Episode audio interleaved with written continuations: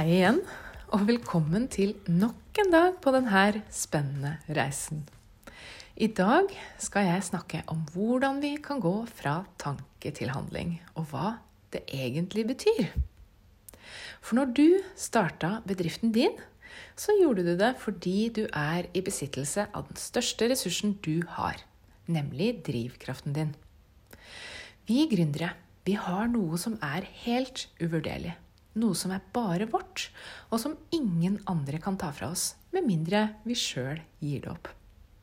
Vår største ressurs er nettopp den drivkraften som er utgangspunktet for hvorfor vi starta bedriften vår. Men når vi skal stå for det her ute i verden, så glemmer vi plutselig det. Vi syns alle andre virker mer sjølsikre enn oss, og plutselig så begynner vi å tvile på oss sjøl. Og så tenker vi at det er andre som har alle svarene.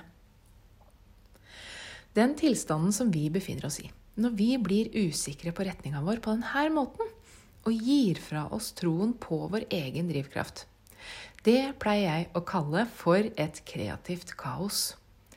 Og det er faktisk eh, ganske vanlig å befinne seg i denne tilstanden, ikke bare for gründere. For noen dager så kan jo hverdagen være inspirerende, og du fylles av skaperglede.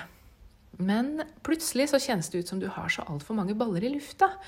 Og du klarer ikke å få oversikten rett og slett over hva du skal ta tak i først. Og de her følelsene de kommer og går, og det er nærmest ikke opp til deg hvordan du skal føle det. Du føler at du blir styrt av vær og vind. Ja, kanskje kjenner du deg igjen? Det er i hvert fall ikke uvanlig å ha det sånn. For i hverdagen vår så er det jo ikke alltid plass til begreper som drivkraft, eh, motivasjon og overskudd. Og ofte så blir vi innhenta av følelsen at det her, det er bare begreper. Og at hverdagen vi skal forholde oss til, det er en endeløs rekke av plikter som dreper kreativiteten og drivkraften vår, istedenfor å bygge opp under den. Og de dagene hvor det tar skikkelig skikkelig overhånd, så toppes det i tillegg av en følelse av at alle andre får det til, bare ikke du. Og da føles kreativitet og skaperglede ganske langt unna. Så hvordan bli fri fra det her? Hvordan snu følelsen av kaos til overskudd? Og viktigst av alt, hvordan opparbeide seg en situasjon hvor du styrer hvordan du skal ha det, og ikke omstendighetene.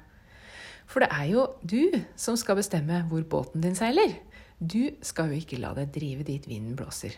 Det er du jo ikke tjent med. Men for å komme til bunns i det her, så må vi jo se på hvorfor vi havner i denne situasjonen i utgangspunktet. Hvordan kom vi dit?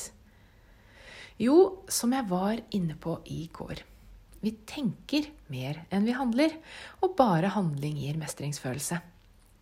Problemet eh, det er jo ikke at du har mange baller i lufta. Det vil du sannsynligvis alltid ha. Problemet er følelsen din av å ikke mestre situasjonen. Og grunnen til denne manglende mestringsfølelsen, ja, det er jo alle tankene våre. Men kanskje føler du det som om du handler hele tida. For du har det jo tross alt alltid travelt, og de tinga du ikke gjør, skyldes at du ikke har tid og overskudd til å gjøre dem. Ja, én ting er jo å ha mye å gjøre, og mange ting som må gjøres. Um, en annen ting, det er faktisk hvordan vi opplever det. For hvis vi hver dag gir mye oppmerksomhet til det vi planlegger å gjøre, og til det vi ikke fikk gjort i går, og det vi kanskje er redde for at vi aldri får til, så bygger vi oss en virkelighetsopplevelse basert på utilstrekkelighet. Vi har følelsen av at vi har jobba hardt hele dagen, i dagevis og i ukevis, men uten det resultatet vi så for oss. Men hvis du isteden gjør bare én ting som du lenge har planlagt, og som du har vært bekymra for å ikke få til, hva skjer da? Jo, jeg tror du vet det. Overskudd og mestringsfølelse er det du får. Og du setter deg ikke umiddelbart ned etterpå og tenker resten av dagen på alle de tinga du ikke fikk gjort. For det du har gitt deg sjøl, er nemlig opplevelsen av at i morgen kan jeg gjøre enda en ting jeg har utsatt. fordi jeg har vist meg sjøl at jeg kan. Fordi opplevelsen av én handling er mer virkelig enn alle tankene våre. De tusen tankene du tenkte i går, om alt du ikke klarer, og alt du ikke rekker, er som visket ut på grunn av én enkelt handling. Men hvis det er så enkelt, hvorfor gjør vi det ikke hele tida? Ja, det fins et svar på det. Det er fordi vi ikke har forstått at tanker ikke er virkelige. Og når vi forstår det, så har vi et helt nytt utgangspunkt. Men for å forstå det, så hjelper det ikke å tenke på det. Vi må faktisk forstå det gjennom handling. For tanker, det er en oppkonstruert virkelighet. Mens handling, det er virkeligheten. Det sies at øvelse gjør mester. Jeg mener vi like gjerne kan si at handling gjør mester. Jeg handler, altså er jeg. Det der tullet med at 'jeg tenker, altså er jeg' Nei, jeg kjøper ikke det. Den virkeligheten har vi oppholdt oss i altfor lenge. Så lenge at vi tror at tankene våre er virkeligheten vår. Vi har vært for opptatt av tanker. Nå er det en ny tid. En tid for handling. Og jeg håper å være med på å snu bevisstheten vår mot at det er handling som gjør oss virkelige. At det er det vi gjør, som betyr noe, og som gir oss overskudd og glede i hverdagen.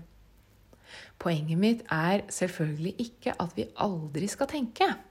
Poenget det er at ja, det spiller ikke noen rolle hva vi tenker hvis det ikke etterfølges av handling.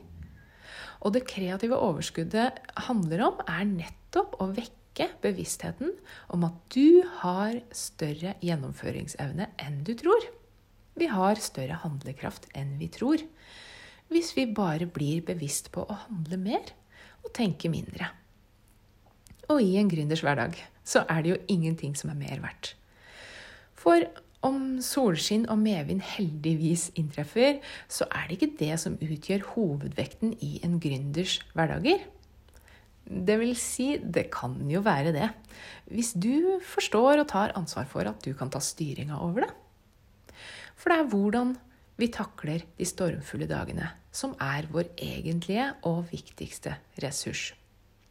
Det er ikke hvor mye penger vi tjener, om folk klapper oss på skuldra og sier 'godt gjort', som avgjør om vi klarer oss i bedriften vår.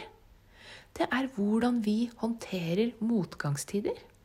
Det er hvordan vi håndterer følelsen av å ikke bli sett og anerkjent for jobben vi gjør hver dag. Nøkkelen er jo at vi ser og anerkjenner oss sjøl, og at vi tar ansvar overfor oss sjøl. Og det er jo helt avgjørende å vite at du kan ha kontroll på det kreative overskuddet ditt. Det her, det er kjernen av din handlekraft. Å være i et kreativt overskudd det kan minne mye om det vi kaller for å være i flyt. Men likevel så er det én vesentlig ting som skiller de her to tilstandene fra hverandre. Og det her det skal jeg fortelle mer om i morgen. Og jeg skal også snakke mer om hvordan det kreative overskuddet er en energi som du har skapt sjøl. Men hvor kommer egentlig denne energien fra?